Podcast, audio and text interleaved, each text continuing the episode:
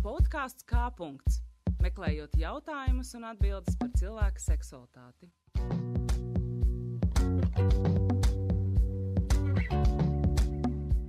Esiet sveicināti! Mani sauc Diana Kiščenko, un šis ir podkāsts Kāpunkts, kurā meklējam jautājumus un atbildes par cilvēka seksualitāti. Šīs epizodes centrā būs saruna par grāmatu LGBTI vēsture Latvijā pēdējos simts gados. Šī darba autore, pētniece, ievadā šo grāmatu raksturo šādi. Īsts ceļvedis vairāk nekā simts gadus senā pagātnē, kuras notiku, notikumi ir saistīti ar tiem Latvijas iedzīvotājiem, kurus mūsdienās ietver abreviatūra LGBTI, tātad lesbietēm, gejiem, biseksuāļiem, transpersonām un interseksuāļiem. Tieši tāpēc uz šo sarunu esam aicinājuši vēsturnieci, vēsturnieci, pētnieci Inetu Lipšu. Es sveicināta! Sveiki! Tavas pētniecības centrā ir protams, vēsture, dzimte, seksualitāte. Esi arī vairāku grāmatu autore. Kā tu vispār nonāci līdz, līdz dzimtes un seksualitātes tēmai? Kur uh, radās tava interese? Nu, tas, protams, bija nejauši, kā, kā vienmēr lielākās lietas notiek nejauši. Es, es savulaik beidzu vēstures fakultāti jau 93. gadā šķiet. Toreiz vēl nebija tādas bakalaura un maģistru sistēmas. Un, e, bet jau pēdējā kursā es sāku strādāt žurnālistikā, un es strādāju 13 gadus žurnālistikā. Tad e, radās tāda sajūta, ka es rakstīju lielos aprakstu gabalus, tā saucamos features pārsvarā. Un e, kaut kādā brīdī radās tāda sajūta, ka tu ražo ķieģeļus. Viens ar rūtiņām, viens ar strīpiņām, viens ar pumpiņām, bet e, jebkurā gadījumā nu, ir teksts, verbāls teksts, ko tu pārvērti rakstiskā, e, izmantojot zināmu struktūru, un, un, un respektīvi vairs nebija nekāda izaicinājuma. Protams, ka cilvēki ir interesanti un tā tālāk, bet tomēr 13 gadu laikā kaut kā šķita, ka kaut kas ir jāmaina, un tas grūdienis bija pavisam vienkāršs. Es toreiz strādāju tādā vakarā avīzē, vakara ziņas, kur izdeva, sāk izdot tādu pielikumu slavenību dzīvi vai kaut kā tā. Un Aivars Darvits, e, rakstnieks, toreiz viņš bija komentētājs, publicists šajā avīzē, e, bija tā teikt idejas autors. Un, un viņi bija izdomājuši rubriku Pirmā republika, kurš rakstīs stāstījumus interesantos par to, kā cilvēkiem kā viņi uzdzīvoja, dzīvoja 20, 30 gados. Protams, Lipša, jo Lipša mums ir vēsturniece, nu, respektīvi izglītība man ir vēsturnieka. Nu, tā es sāku. Un tad eh, no šīm rubrikām, no šiem stāstiem mani uzrunāja izdevniecība Priedēns, tapa grāmata Rīga Bohēmas varā, kas skatās tieši uz šo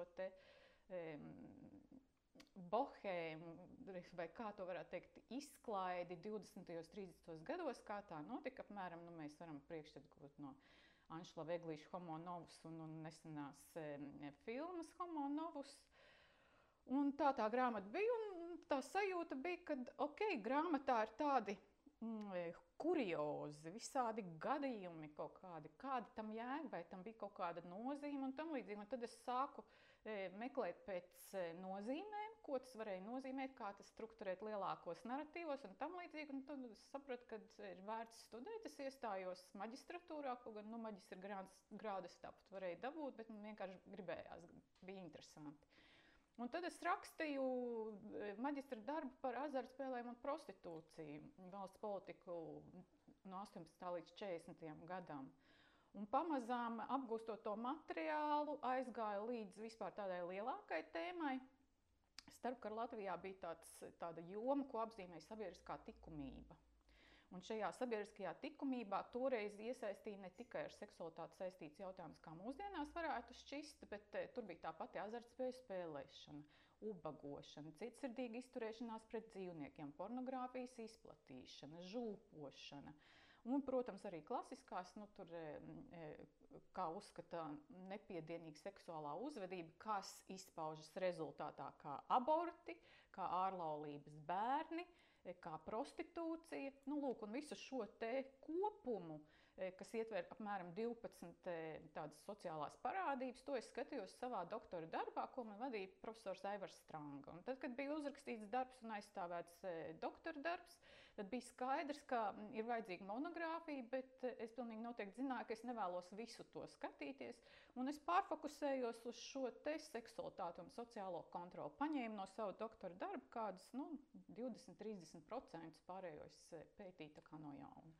Un tādā veidā varētu teikt no Aivara Tarvida Grūdiena, kurš rakstīs rubriku mums Pirmā republika.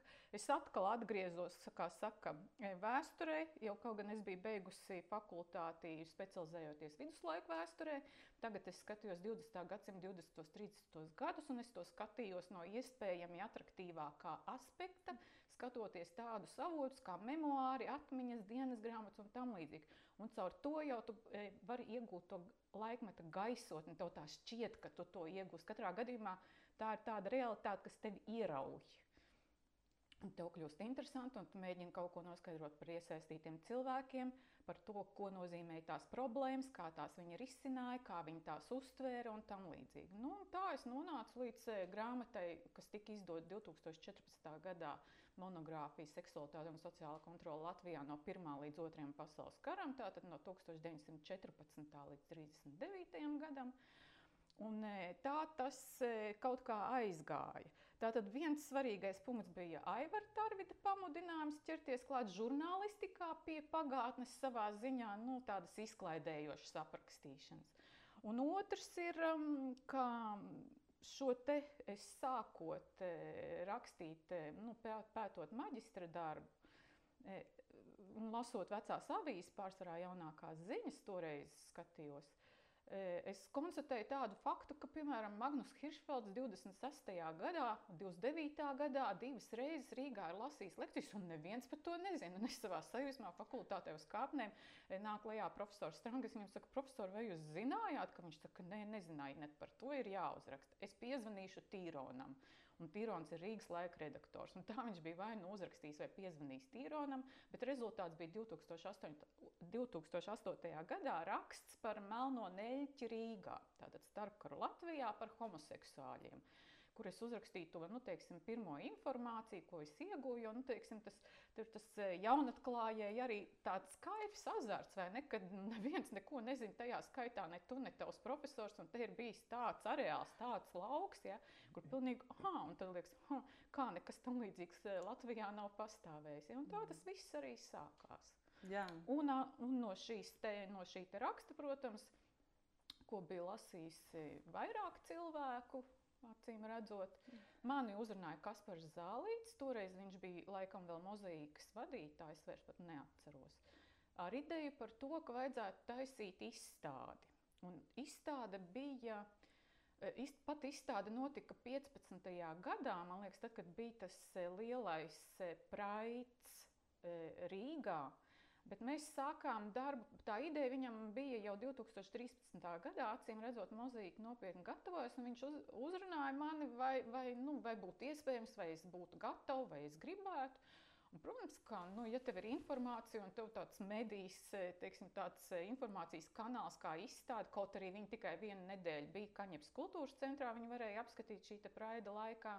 Tomēr tie plakāti bija tādi lieli informācija bija savākta, vizuālais materiāls bija savākts, jo, protams, uzreiz bija tā doma tā, lai cilvēku neatbaida, bet, nu, lai viņš ir ieinteresēts izlasīt to, kas tur ir, un, un arī, nu, protams, tādā, tādā kompaktā formātā. Un notika izstāde, un, un pēc tās nedēļas izstādīšanas nu, tas viss arī nu, pazuda. Nu, kaut kur kādā, kak, nu, kādā drošā kaktā nolikts šie plakāti stāvēja.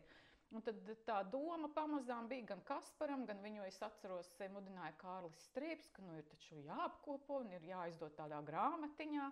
Un galu galā nu, Kaspars, Kaspars un Kristīna Garina viņi meklēja finansējumu, lai varētu nu, teiksim, to visu atļauties izdot. Sekmējās, un, un, un tad bija ziņa, ka, ka Vai es piekrītu uzrakstīt, nu, to apkopot un padziļināt? Nu, es domāju, ka nav jēga publicēt tikai to, kas jau ir, ka ir jāpaplašina. Tas skats, jo laika gaitā jau nāk klāt tie materiāli, ja tu interesējies, tad to viņi vienkārši paši atrod. Nu, tad es paplašināju, padziļināju. Nu, un te tā grāmatiņa, latviešu viņa laikam tika izdota 17. Jā, gadā. Jā. Un te nu viņa ir. Un, un, un, un, un vienos vākos, es domāju, ātri, stundas laikā cilvēks, kurš vēlas iegūt informāciju, var gūt priekšstatu par to, kā tad nu, bija Latvijā šajos pēdējos simts gados, jo tā ideja par tiem simts gadiem, man liekas, ir obligāti jāieliek. Jo nu, 17, 16, 17 gads jau mums ir viss Latvijā kultūras laukā notika ar, ar skatu uz simtgadi, simtgadi, simtgadi, simtgadi, it kā vispār nekas cits šajā valstī nebūtu aktuāls. Un, un, un, un, un, es atceros, mēs ar Kasparu runājām, un es teicu, nu, ka mums arī jādod savus ieguldījumus simtgadus, kā saka, svinībās. Un tāpēc mēs šajā grāmatiņas nosaukumā arī ielikām šo te nu, tādu nu, tā atslēgvārdu pēdējos simts gados. Jā. Nu, te, te viņi ir tie pēdējie simts gadi vienos vākos. Mm, brīnišķīgi, jā, nodeva arī Latvijas simtgadēji.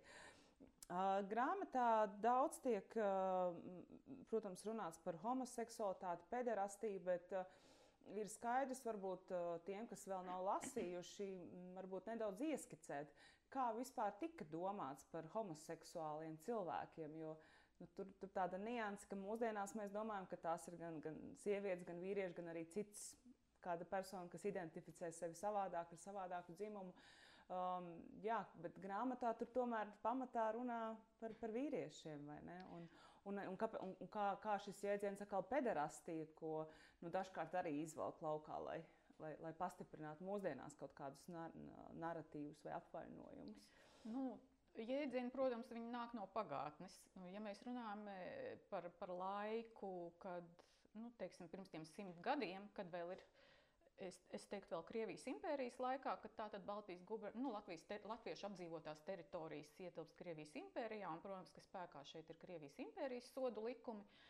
Un e, Krievijas impērijā e, šī pederastija vai krieviski mūža loštva bija, tika sodīta, tā teikt, vienkāršās tautas vidū jau no 1835. gada šķiet.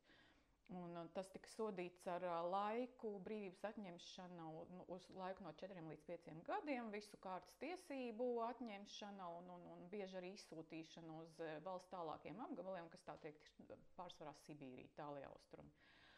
Un, bet e, te uzreiz ir jāsaka, ka pederastija gan tajā laikā, gan padomu laikā, tas bija tāds e, ļoti konkrēts e, koncepts, tas nu, termins. Tas nozīmē nevis homoseksuālu orientāciju vai citādu orientāciju. Par to neviens nesodīja sodīja tieši par konkrēto anālo dzimumu aktu tikai un vienīgi. Un, ja to nevarēja pieķert un pierādīt, mm -hmm. tad eh, homoseksuālos vīriešus nesodīja. Tas varbūt bija publiska kaut kāda kaunināšana, kaimiņu un kaut kas tamlīdzīgs. Bet eh, visos laikos, visos šajos pēdējos simts gados sodīja tikai par šo vienu aktu. Homoseksuāla orientācija nekad nav bijusi krimināla tiesiski sodāma Latvijas teritorijā. Mm -hmm. Bet homoseksualitāte vai homoseksuālisms, homoseksuālisms protams, ir e, pārsvarā pie mums vairāk padomju laika termins un saistīts ar to, ka homoseksuālu, orientāciju uzskatīja par slimību padomju periodā. Un, protams, ka viss no tiem degradējošās. Degradējošās nozīmes vai funkcijas, kādas tur ar šo terminu lietošanu, tas viss ietvēra.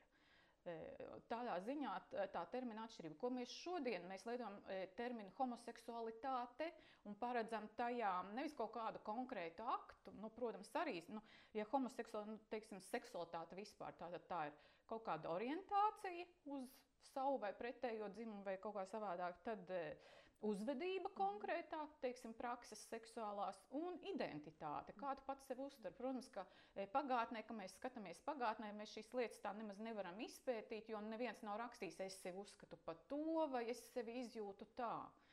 Un tā kā mm, šodien mēs lietojam vārdu homoseksualitāte, tāpat kā seksualitāte, mēs nesakām seksuālisms, paredzot ar to kaut kādu, nezinu, kas nu, sava veida slimības paveidu, vai es nezinu. Mm. Mm. Bet atgriežoties pie pederastijas, um, ja es pareizi atminos, tad grāmatā tieši par padomju savienības laikiem tur, uh, tur tie um, skaitļi ar cilvēkiem, kuri tika arestēti un, un kuriem piesprieda šo cietumsodu fiz, reālo ir jautājums, jā, kā, kā tika identificēts, vai mums vispār ir kādas liecības, vai tiešām pieķēra šos cilvēkus guļamistabās vai nezinu, kaut kur citur. Kā tajos laikos tas tika? Ja mēs skatāmies uz padomu periodu, tad e, mums ir, nu, ir diezgan daudz e, vēstures avotu, kas ir krimināla lietas Latvijas, e, Latvijas Nacionālā arhīva, Latvijas valsts arhīvā. Un pretēji kaut kādam priekšstatam, kas varētu būt, nu, teiksim, ja mums tas priekšstats par padomu laiku, tās represijas, nu vienalga pret homoseksuāļiem vai pret citādi domājošiem, pret eh, reliģisko prakšu piekopējiem un tam līdzīgi, tad tas pirmais priekšstats ir, ka nu, tie homoseksuāļi padomu laikā tik šausmīgi apspiesti un, un tam līdzīgi.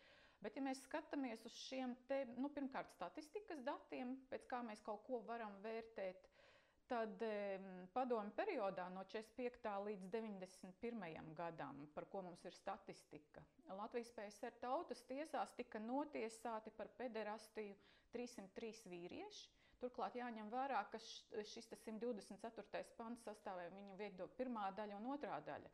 E, viena daļa ir par e, konsensuālu, nu, respektīvi, nu, divi pieauguši cilvēki satiekas un viņiem ir nu, labprātīgs, dīvaini izklausās, bet labprātīgs seks. Ja.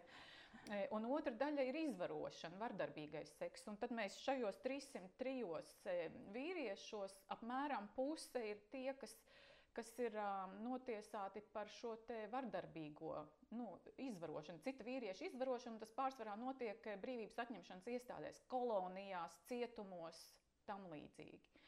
Un tāpēc, ja mēs tā skatāmies, kad padomu laikā notiesāt, nu, teiksim, maksimums 200 vīrieši par šādām attiecībām, es biju gaidījis, ka būs vismaz tūkstošos tie cilvēki, bet izrādās, ka nē.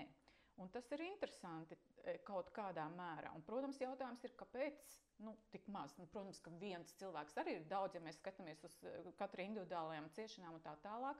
Bet, ja mēs skatāmies teiksim, tādā valsts mēroga kontekstā un e, iedzīvotāju skaita kontekstā uz 2,5 miljoniem cilvēku, ja, nu, tad tas nevarētu teikt, ka tas daudz. Kāpēc tik maz?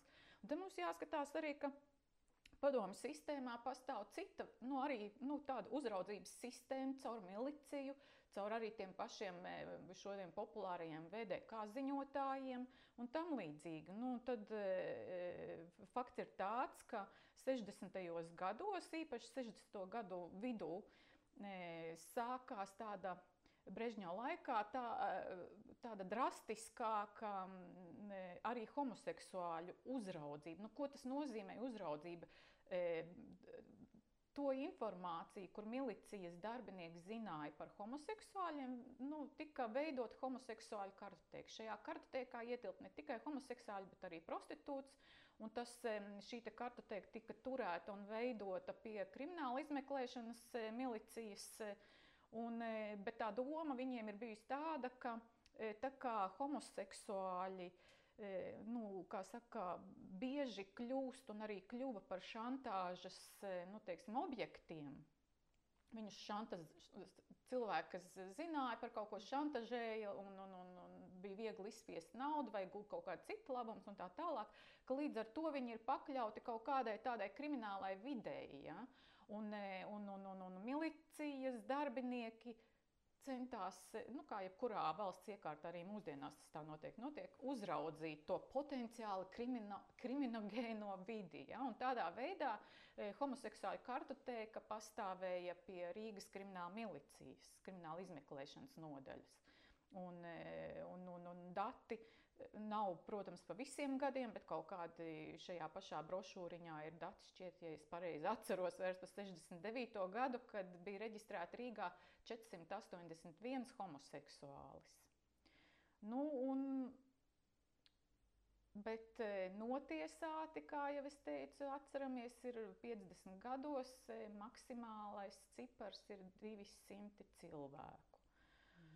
Protams, ka, kā Knuts Skujenieks ir izteicies kādā intervijā, ka homoseksualitāte varēja būt teikt, tas sāpīgais, vājais punkts, kas VDK darbinieka acīs e, varēja kalpot kā labs vervēšanas pamats.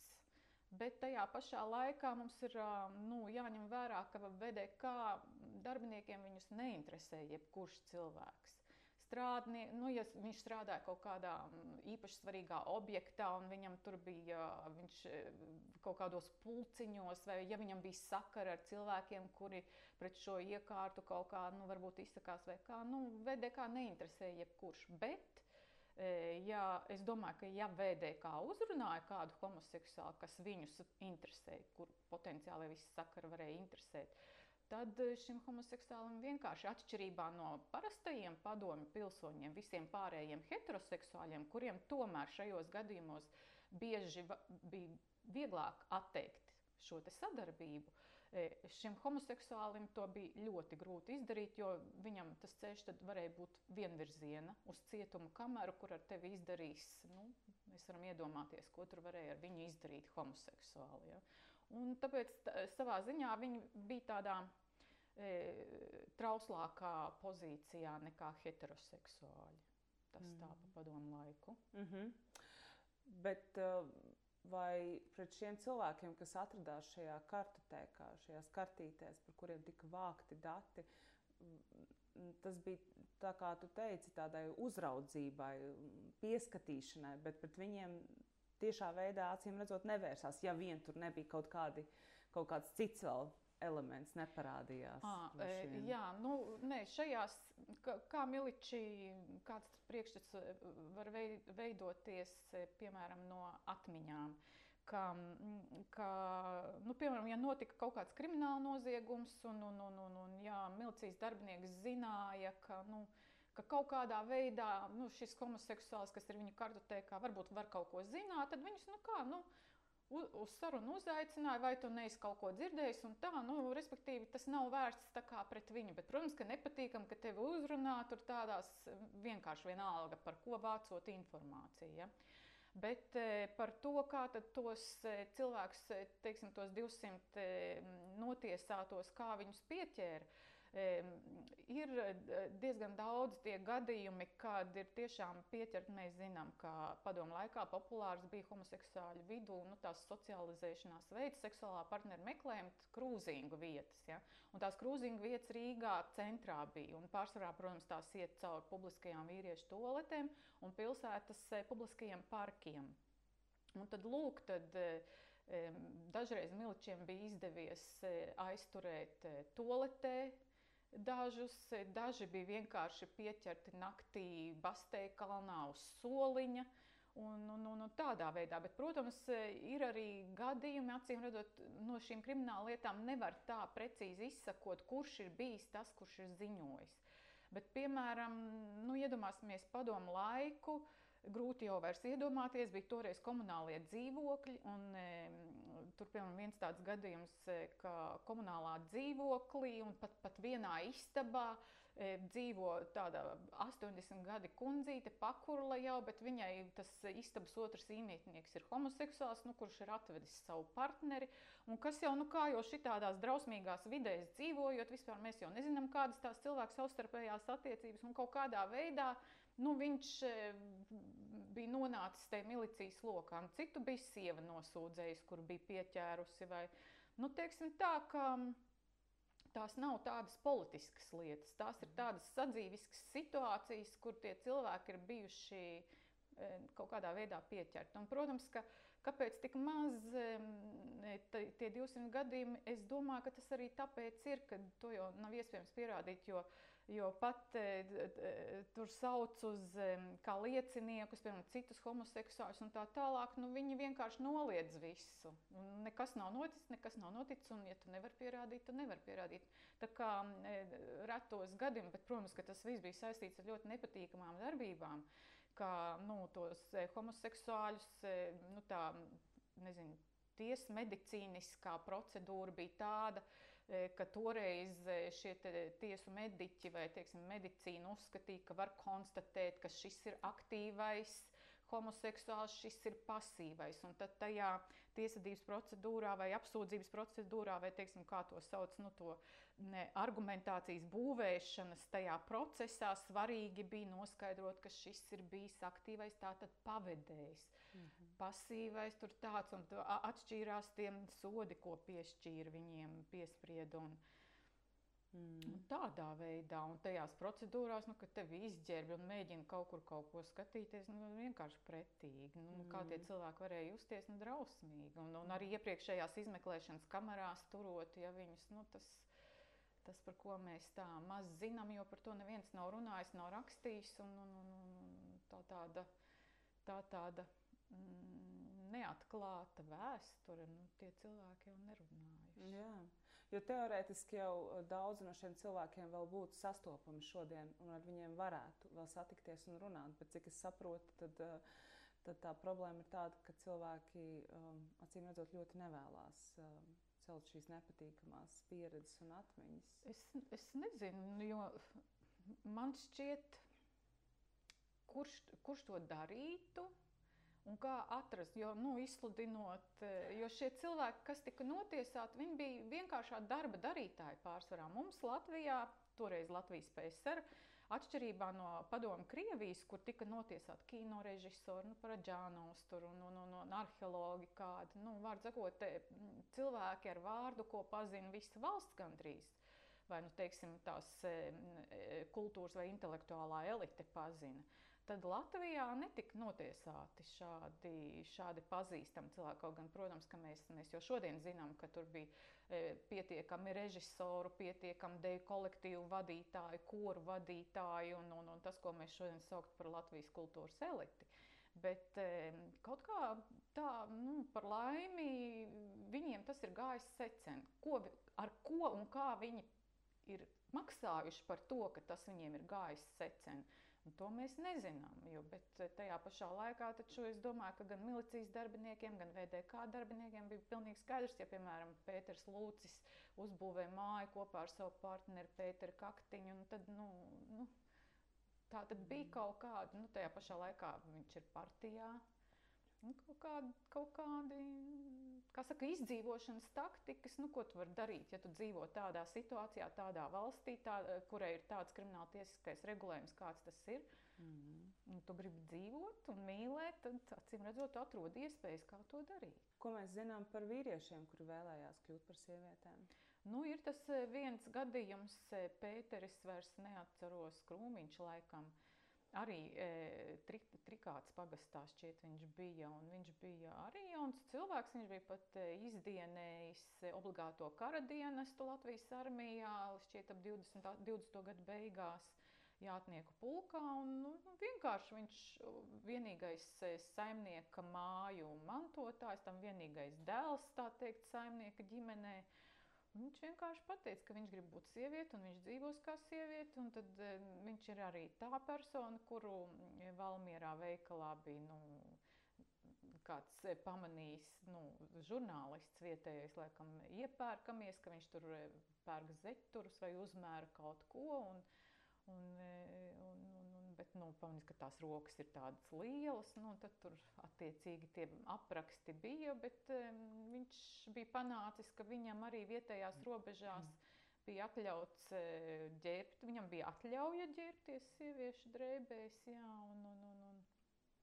Vai viņam bija pase, to man nav izdevies noskaidrot, uz kādu dzimumu viņam bija pase. Bet jā, jā vietējā pašvaldība bija atļāvusi viņam šo te.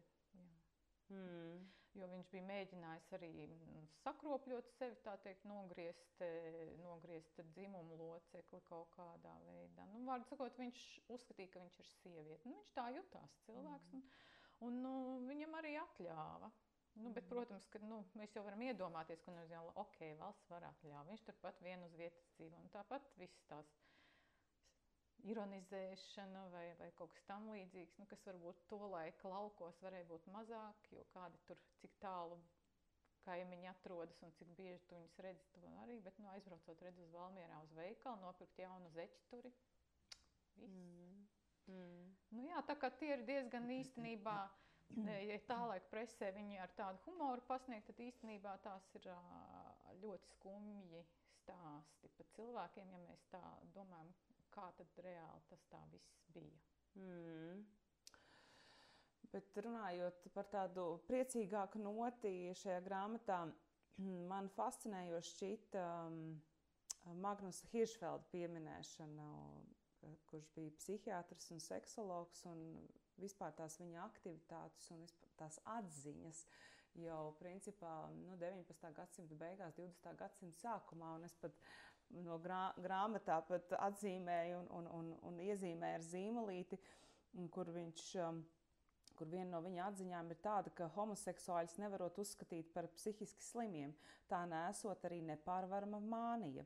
Viņu dzimuma tieksmes intensitāte ir tikpat daudzveidīga kā heteroseksuāļiem. Un tad vēl tur pāris tādas atziņas. Un, un, jā, varbūt pastāsti par, par Magnusu Hiršfeldu un kāda viņam ir bijusi izrādās saistība ar, ar, ar Rīgu. Nu, ma par Magnusu Hiršfeldu šis arī ir jāzina, ka viņš Vācijā, Vācijā bija, saka, viens no homoseksuāļu emancipācijas teiksim, kustības dibinātājiem 1897. gadā. Un Vācijā bija um, arī nu, pants par pederastiju, un e, šī organizācija cīnījās nu, to, lai panāktu izmaiņas likumdošanā. Un, e, viņš pats bija homoseksuālis, un, un, un, un līdz ar to e, viņš kā homoseksuāļu tiesību aizstāvis ir pazīstams ļoti, un starpkara Latvijā arī viņš bija zināma persona.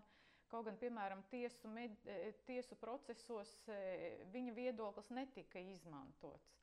E, un, un, tas, kura viedoklis tika izmantots, bija atkarīgs no konkrētā ārsta. Bet, bet Hiršfelds, nu, tā kā šī te šī liberālā, nu, teiksim, tā liberālā attieksme pret, pret homoseksualitāti, seksualitāti vispār bija tuva arī sociālistiem, jā, tad viņš, viņš bija arī sociāldemokrāts. Viņš 20. gados devās uz Padomju Savienību lasīt lekcijas, tur viņu mediķi aicināja un tam līdzīgi. Un tad uz šo Maskavu dodoties, viņš brauca cauri Rīgai.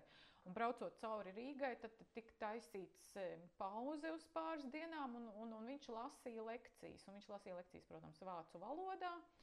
Nu, bet toreiz vietējās, kā saka, trīs vietējās valodas bija latviešu, vācu, krievu. Un, un, un, un, un, un, un tad eh, vācu valodā viņa lasītās lekcijas varēja klausīties. Eh, dažas lekcijas viņš nolasīja. Jā, un, nu, viņš bija 26. gadā Rīgā un 29. gadā Rīgā. Un prese, nu, neteiksim, kā ļoti plaši būtu atspoguļojuši šo viņu, jo nu, presē laikam laiku, laikos Latvijas teritorijā latviešu presē ir raksturīgi nu, viņi nespēja nemāk runāt par seksualitāti ne toreiz, ne tagad. Mm -hmm. Respektīvi, bija tikai tāds kā informatīvs eh, paziņojums, ka ir noticis vai, vai notiks uh, viņa lekcijas, un, un nekādu vairāk tādu plašāku.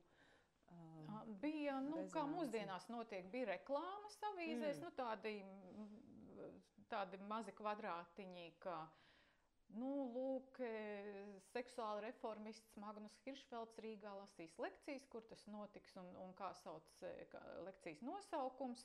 Jo viņš e, nelasīja par homoseksuāļiem, viņš lasīja vispār par seksualitāti, nu, teiksim, par tiem dažādiem, kā, kā, kā tur viņš bija 16 perversiju veidi un tam līdzīgi, ieskaitot mazohismu un visu kaut kādus nu, fetišismu un visādus šos te ismus, kas ar seksualitāti, seksuālām praksēm saistās.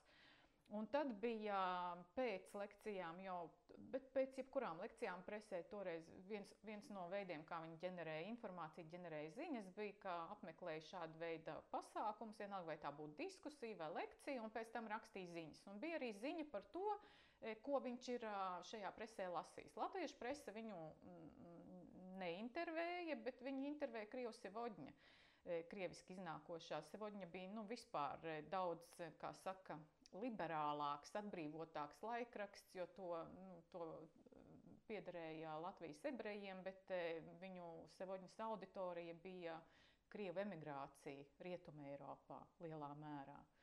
Un viņam bija plašs, plašs, kā saka, plaša tirā, liela tirāža un e, liela ietekme. Un, un, un līdz ar to, ka viņš bija uz Rietumu Eiropu uz vērsts, tad e, viņš bija arī daudz liberālāks nekā Latvijas prese.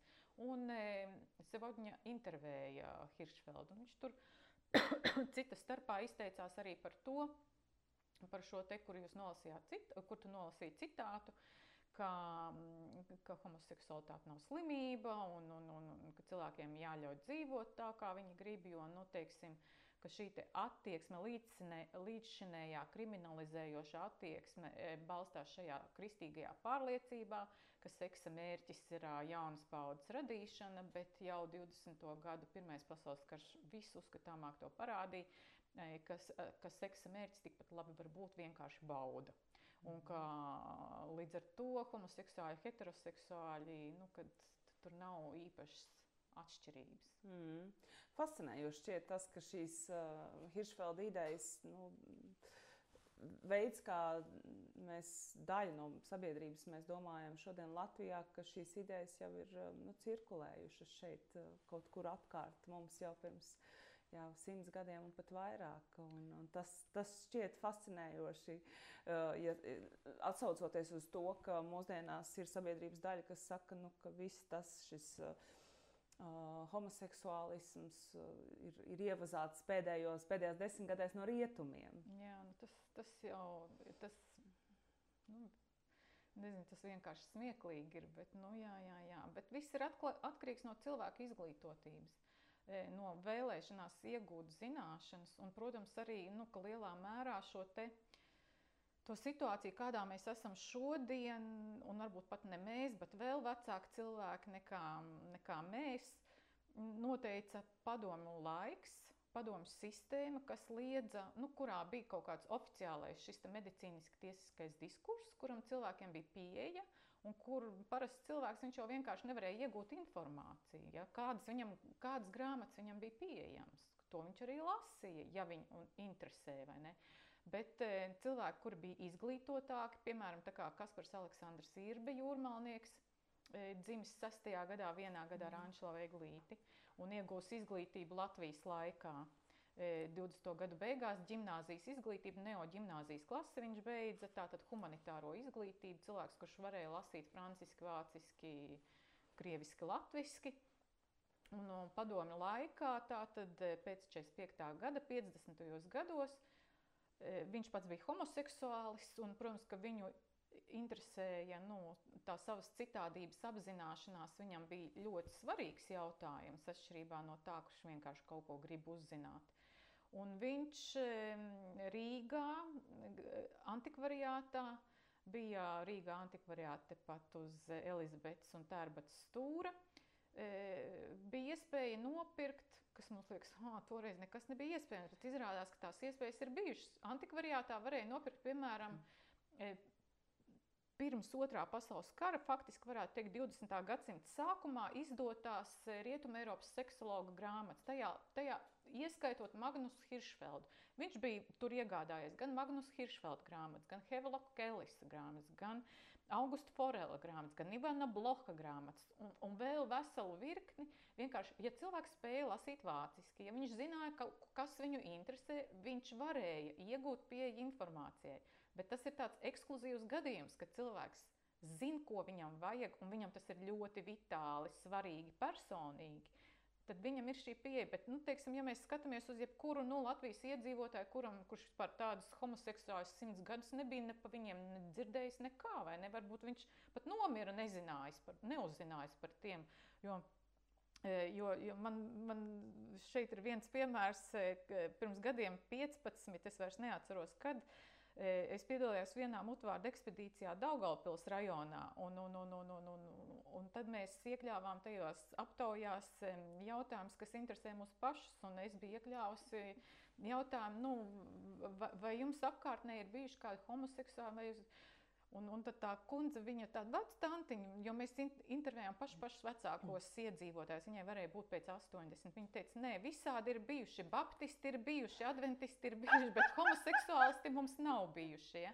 Nu, respektīvi, tas ir tas, eh, varētu būt nu, tas tāds tā kā kurios, bet lielā mērā tas var raksturot, es domāju, dominējošo padomu laikā dzīvojušo cilvēku E, vispār priekšstatu par, par homoseksualitāti. Nu, viņu tas neinteresē, tas viņu neskāra. Viņš informāciju nemeklē, bet, ja viņš meklē informāciju, tad viņš dabūja lielo padomju enciklopēdiju vai, vai Jāņa Zālīša grāmatu, kur bija, kur bija sarakstīts šausmīgas lietas, kas notiek ar, ar, ar, ar, ar, ar, ar, ar bērniem, vīriešiem, e, dēliem, kas dzimts sievietēm, kuras pīpē, piemēram. Ja, tur homoseksuāļi dzimst. Kā vispār vēsturnieki nonāk kā viņi piekļuva šādiem materiāliem, tik ļoti vērtīgiem. Kā, nu, tā atkal ir nejaušība. Tā bija pilnīgi nejaušība. Nu, savā ziņā, nu, ja tu esi pētnieks, tu dari to, ko tu dari, un, un, un lasi kaut kādu literatūru. Tas bija, tas bija 2016. gada sākumā. Es izlasīju, ir seksualitātes vēsturniekiem ir tāds, es nezinu, bloks vai kā to sauc nočes, nočes bloks, un tur vārdu sakot, tādos mazos, nevis tur nepublicē tādus zinātniskos rakstus, bet populārā formātā, salīdzinoši īsi.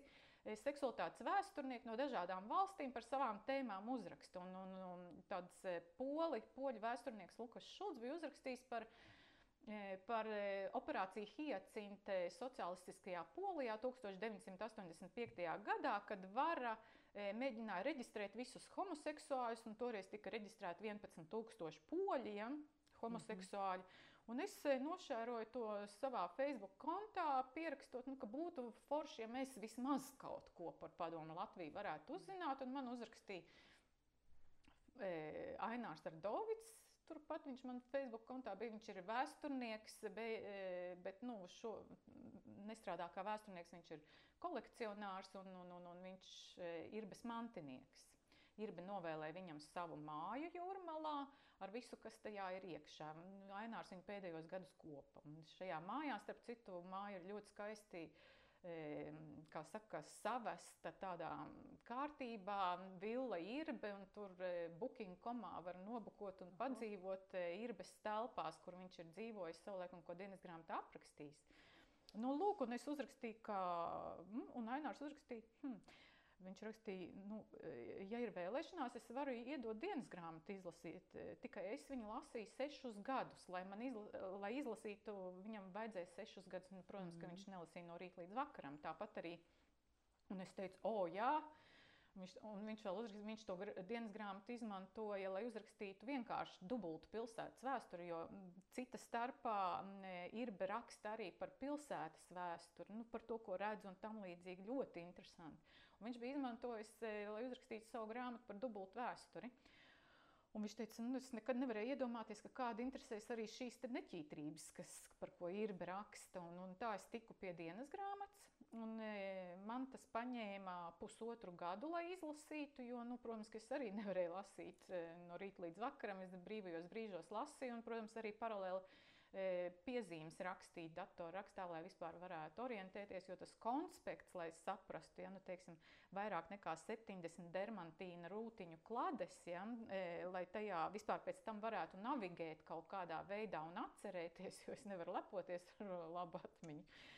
Un, un, un, un, un es, e, mans konspekts viena trīs miljonu zīmju, ja, lai es varētu pēc tam kaut kādā veidā atrast, jo, nu, lai izsakotu, kā viņš kaut ko vērtē 30. gadu beigās un pēc tam līdz 96. gadam, ja, nu, tad par tēmām atslēgu vārdus liekot, tas tā, tas tā un tā. Es tiku pie tās dienas grāmatas, tā es e, viņu atklāju, izlasīju. Tad Rīgas laiks nopublicēja pirms pāris gadiem e, tādu pirmo rakstu par to, ka ir tāda dienas grāmata, un tur es vairāk e, rādīju to, kā Irbe uztver padomju sistēmas ienākšanu caur to publiskās telpas vērojumiem par to, kā nu, padomju var, ko viņš asociēja ar krieviem, jo tā bija, protams, krievu valoda, kurā runāja padomju migranti, kas šeit ieradās kā šo padomu migrantu ierašanās eh, pilnībā mainīja to publisko telpu, kas viņam bija svarīgi, krūzīņu vietas, kā izskatās publiskajās toaletēs. Viņš aprakstīja tās sūdu čupas un vispār bija drausmīgi.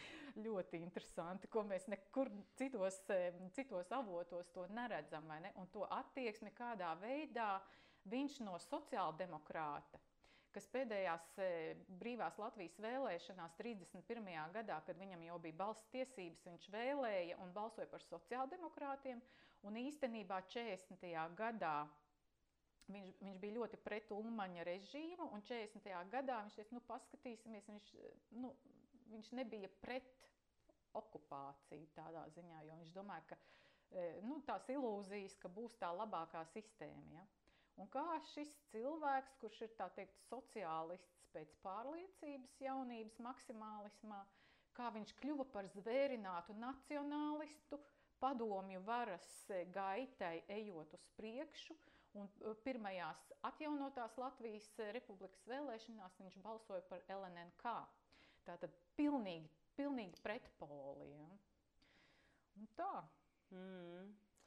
Katrā ziņā šajā grāmatā ir ļoti daudz tādu pārsteidzošu, fascinējošu cilvēku stāstu un faktu. Un, un noslēdzot sarunu par šo grāmatu, droši vien man arī šķita ļoti interesanti ne tikai um, Kaspara Irbes um, dienas grāmata, bet arī tas, ka um, man palika iespējas, ka uh, Latvijas teritorija dažādos um, laika periodos um, nav bijusi atrauta no uh, dažādiem pasaules procesiem. Manuprāt, grāmatas tā veiksme, veiksmes tas elements ir tāds, ka tu vienmēr esi iedevuši šo pasaules kontekstu, kas notiek Rietumē, Eiropā, kas notiek ASV, Amerikas Savienotajās valstīs. Un šeit viens fakts, ka, piemēram, ASV pirmā legāli izdarītā dzimuma maiņas operācija notika 1965. gadā, un, un principā septiņus gadus vēlāk, tas nu, nu, de, varam teikt, desmit gadus ietvaros, 72. gadā Padomju Savienībā norit pirmā veiksmīgā dzimuma maiņas operācija. Un, un, un, un ne tikai šis fakts, bet arī Hiršfelds un vēl daudz citi, citi fakti liecina par to, ka jā, varbūt eh, mūsu vecāki, vecvecāki nezināja, ka, kas ir šie plašākie konteksti, kas notiek citur, bet tagad mēs ieraugam, cik ļoti daudz mēs esam bijuši tomēr uz tāda viena viļņa. Um, kas tev pašai um, strādājot pie šīs grāmatas ar tiem vēsturiskiem materiāliem, kas tev pašai šķita visfascinējošākais, aizraujošākais un pārsteidzošākais? Uz to jautājumu šausmīgi grūti atbildēt. Nu, kaut, jo... kaut kādu vienu, vienu tādu, jā, vai cilvēks, vai kāds notikums, vai jā. Tad, kad es e, strādāju pie tās grāmatas uzrakstīšanas, pie šīs brošūras uzrakstīšanas, tad e, kā reiz tajā laikā uh, pilnīgi svaigs bija um, Irbas dienas grāmatas ieguvums. Es vēl pat mhm. nebiju viņu visu izlasījusi, tad, kad es eh, rakstīju šo grāmatu. Bet man šķiet, ka tu bišķiņi romantizēji par to, eh, par to, ka visus šos simts gadus eh, mēs tomēr esam bijuši tajā saķerē ar to, ar to, kas notika pasaulē. Uh, Jo vienā ziņā mēs pilnīgi noteikti neesam tur bijuši. Jo, ja mēs skatāmies uz homoseksuāļu atbrīvošanās, emancipācijas kustību, kas Rietumē, Eiropā un Amerikā notiek 60. Eh, gadu beigās, un ka mēs zinām, ka 67. Mm, gadā tātad eh, Lielbritānija dekriminalizēja homoseksualitāti. 69. gadā laikam to Vācija izdara, un, un, un, un vārdu sakot, 69. gadā ar Stonewall nemieri Amerikā vai ne, ka, ka tas, ka Latvija atradās Padomju Savienībā, tas E, noteica to, ka nekas tam līdzīgs, runājot par sabiedrisku kustību, kaut kādu atbrīvošanās kustību, kaut kādiem protestiem pret to, kāds tiesiskais stāvoklis te ir šajā valstī, nevarēja notikt Latvijas teritorijā. Un tas ir tas skumjākais, jo es domāju, ja Latvija nebūtu, e, ja Latvija būtu E, e, joprojām Eiropas valsts, kā saka, šajā Eiropas sistēmā, nevis Padomju Savienībā okupēta, tad, manuprāt, tad gan būtu 60. gadu beigās notikuši tie paši procesi, kas notika Vācijā, kas notika Lielbritānijā. Vismaz būtu bijuši kaut kādi centieni uz to. Un tad mēs varētu teikt, ka jā, mēs e, šeit Latvija ir gājusi tie sociālie procesi, kas šajā teritorijā notikuši. Cilvēku domāšana ir kaut kādā e, ziņā atradusies sazobē ar to, ar Eiropas demokrātijām raksturīgo raksturīgiem strāvojumiem. Bet tā kā mēs diemžēl bijām okupēti, tad tas bija liekts un tajā ziņā e, tas uzspieda noteicošu zīmogu, ar kuru mēs, š, ar kuru mēs esam spiest rēķināties šodien joprojām šo te mhm. attieksmi pret homoseksuāļu. Nu, teiksim, homoseksuāļu vajadzībām vai tiesībām, mm -hmm. vēlmēm. Mm -hmm. Noteikti, noteikti. Es tev absolūti piekrītu. Vienkārši man šķita, ka tur ir kaut kāda tādi, nu, tādas saliņas, tādi elementi, ah, kas jā, tā, noteikti. ka tā nu, nav, ka mums vispār uh, nav transzimtas personas, ka vīrieši nepārģērbjas sieviešu drēbēs, ah, ka tāda. mums nav homoseksuāļi. Man à, šķita, jā, ka jā, tas tādā tā... ziņā, jā, protams, tādas... protams. Tāds bija arī mērķis tai grāmatai. Mēs tā to koncepciju arī taisījām, lai parādītu. E, ļoti ierobežotā laukumā parādīt iespējami, nu, teiksim, nu, četras debesu puses var redzēt, ja, jo tur nu, katram, katram tam periodam ir tie četri četras rubrikas. Ja, Jā. tiesiskais regulējums, kāda cilvēka skatījums, sociālais konteksts un citāds. Tad mēs tā mēģinājām tā, lai būtu mm. pa 360 grādiem, nu, cik nu varēja aptvert. Ja. Mm. Jā, paldies par, par šo darbu un, un, un um, par šo nelielo ieskatu. Un, un cerēsim, ka, ka tas uh, viss turpinās augt un iet kaut, kaut kādā iespējamā arī dziļumā un plašumā.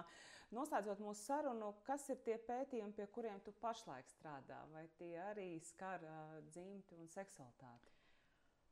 Jā, nu tad, ja, ja, ja sāk ar dzimti un seksualitāti, tad šobrīd Kultūra kapitāla fondam pateicoties, es saņemu jaunradas stipendiju. Un es piedāvāju uzrakstīt grāmatu, balstoties uz jau esošajām zināšanām, nu, teiksim, tekstiem, kas publicēti citās valodās, manējie e, uzrakstīt grāmatu Seksualitāte un sociālā kontrole padomju Latvijā no 45. līdz 90. gadam publiskās telpas aspektos. Redz, man tieši interesē tās krūzings un, un heteroseksuāli, kā cilvēki piesavinājās pilsētas publisko telpu, savām vajadzībām. Nu, teiksim, te, te arī augstā kara problemātika, un ja mēs skatāmies uz heteroseksuāļiem, tad, protams, ir ārzemju, ārzemju turisma atklāšana, ienākšana 50. gadu vidū Rīgā, kad e, ostas jau tika atvērtas ārzemju ietekmēm padomju savienībā. Un kā šios, šos jūrniekus apsēda tepat Kronvalda parkā, nu, teiksim, uh, es, e, tie farcovšķiki un, un, un, un tās augtās vieglas uzvedības sievietes, kas vienkārši gribēja komunicēt, iegūt kādu plati vai lūpu krāsu un tam līdzīgi, un kā šī apmaiņa notika. Tātad šī publiskās telpas lietojums, publiskās telpas kontekstos tieši nerunājot tik daudz par e, par nu, reproduktīvo seksualitāti vai par kontracepciju un tam līdzīgām lietām, bet to, ko, ko jeb, īstenībā jebkurš cilvēks būtu varējis ja viņam būtu redzīga piesista acs, kā saka, būtu varējis novērot publiskajā telpā attiecīgajos gados. Tas ir viens projekts. Otrs projekts, kas arī ir jauns un ko mēs eh, sākam Literatūras folkloras mākslas institūtā, tas ir projekts par eh, sieviešu vēsturi, sievieti Latvijas kultūrā un sabiedrībā no 1870. līdz 1940. gadam.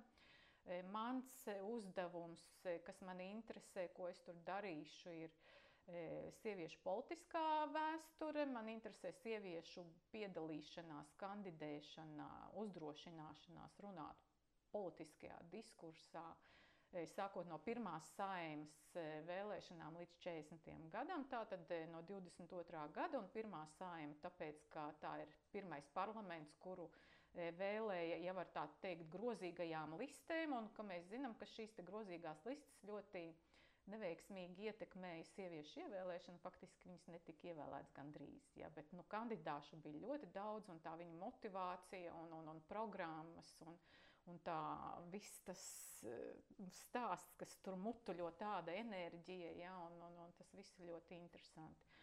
E, tu, tās ir tādas divas, divas jaunas tēmas, un, un, un, un arī par, par, par šo te par sieviešu politisko vēsturi. Būs arī grāmata, ko sadarbībā ar Eberta fondu uh, es uzrakstīšu līdz nākamajam pavasarim, jo nu, šajā te sieviešu vēstures projektā, kas ir, nu, tur diemžēl tikai nu, ļoti konkrēti uzdevumi ir un, un kas ir par šauru priekš manis, es gribu teiksim, uzrakstīt kaut ko, kaut ko lasāmāku, plašāk lasāmu, ne tikai ārzemju publikai, kas ra, lasa zinātniskos žurnālus, bet arī E, Latvijas iedzīvotājiem, kurš lasa latviešu, un grib varbūt e, lasīt kaut ko izklaidējošāku, informatīvāku.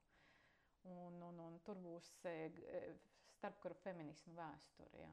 Mm. Un tās ir tās lielās lietas. Vēl, vēl vienā projektā es strādāju, tur, tur mēs kopā ar kolēģi Līgu Lapu skatāmies uz piektā gada revolūciju, kas man ļoti interesē arī ne tikai dzimtes un seksualitātes aspektā, bet arī politiskās vēstures aspektā, bet mēs skatāmies un rakstīsim pētījumu par sievietēm un vardarbību, par piedzīvoto vardarbību, piektā gada revolūcijā, ko sievietes piedzīvo, un nebūdamas, mēs nerunāsim par revolucionāriem un, un, un tādām, kuras apzinājās, ko viņas dara un kas par to var draudēt.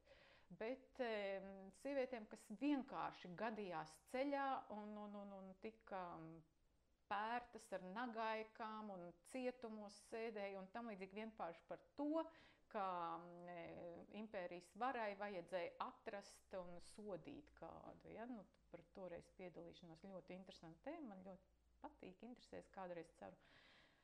Ceru pētīt savu tēmu, arī dzimtes un seksualitātes vēsturi, arī sākot no 19. gadsimta beigām līdz Pirmajam pasaules karam, kas pagaidām palicis mazliet mm. nostāk, bet nu, mm. līdz kādam brīdim. Jā. Jā. Prieks dzirdēt, izklausās gan ražīgi. Uh, uh, un prieks dzirdēt arī to, ka vismaz es tā piefiksēju, divas vai trīs tēmas ir saistītas ar sievieti, kur sieviete ir centrā. Ņemot uh, atsauci uz, uz šo grāmatu, kur, kur trūkst šo sieviešu balšu un, un viņu pieredzi. Tāpēc liels prieks. Paldies, paldies par, par šo sarunu, paldies par darbiem, par veiksmi projektos un uh, gaidīsim grāmatas. Paldies par interesi, lasiet grāmatas. Jā, paldies! Meklē podkāstu kā punkts Spotify, Apple podkāstu, Podbeans, YouTube un RSU mājaslapām, kā arī seko RSU studentu mēdījām, Facebook un Instagram.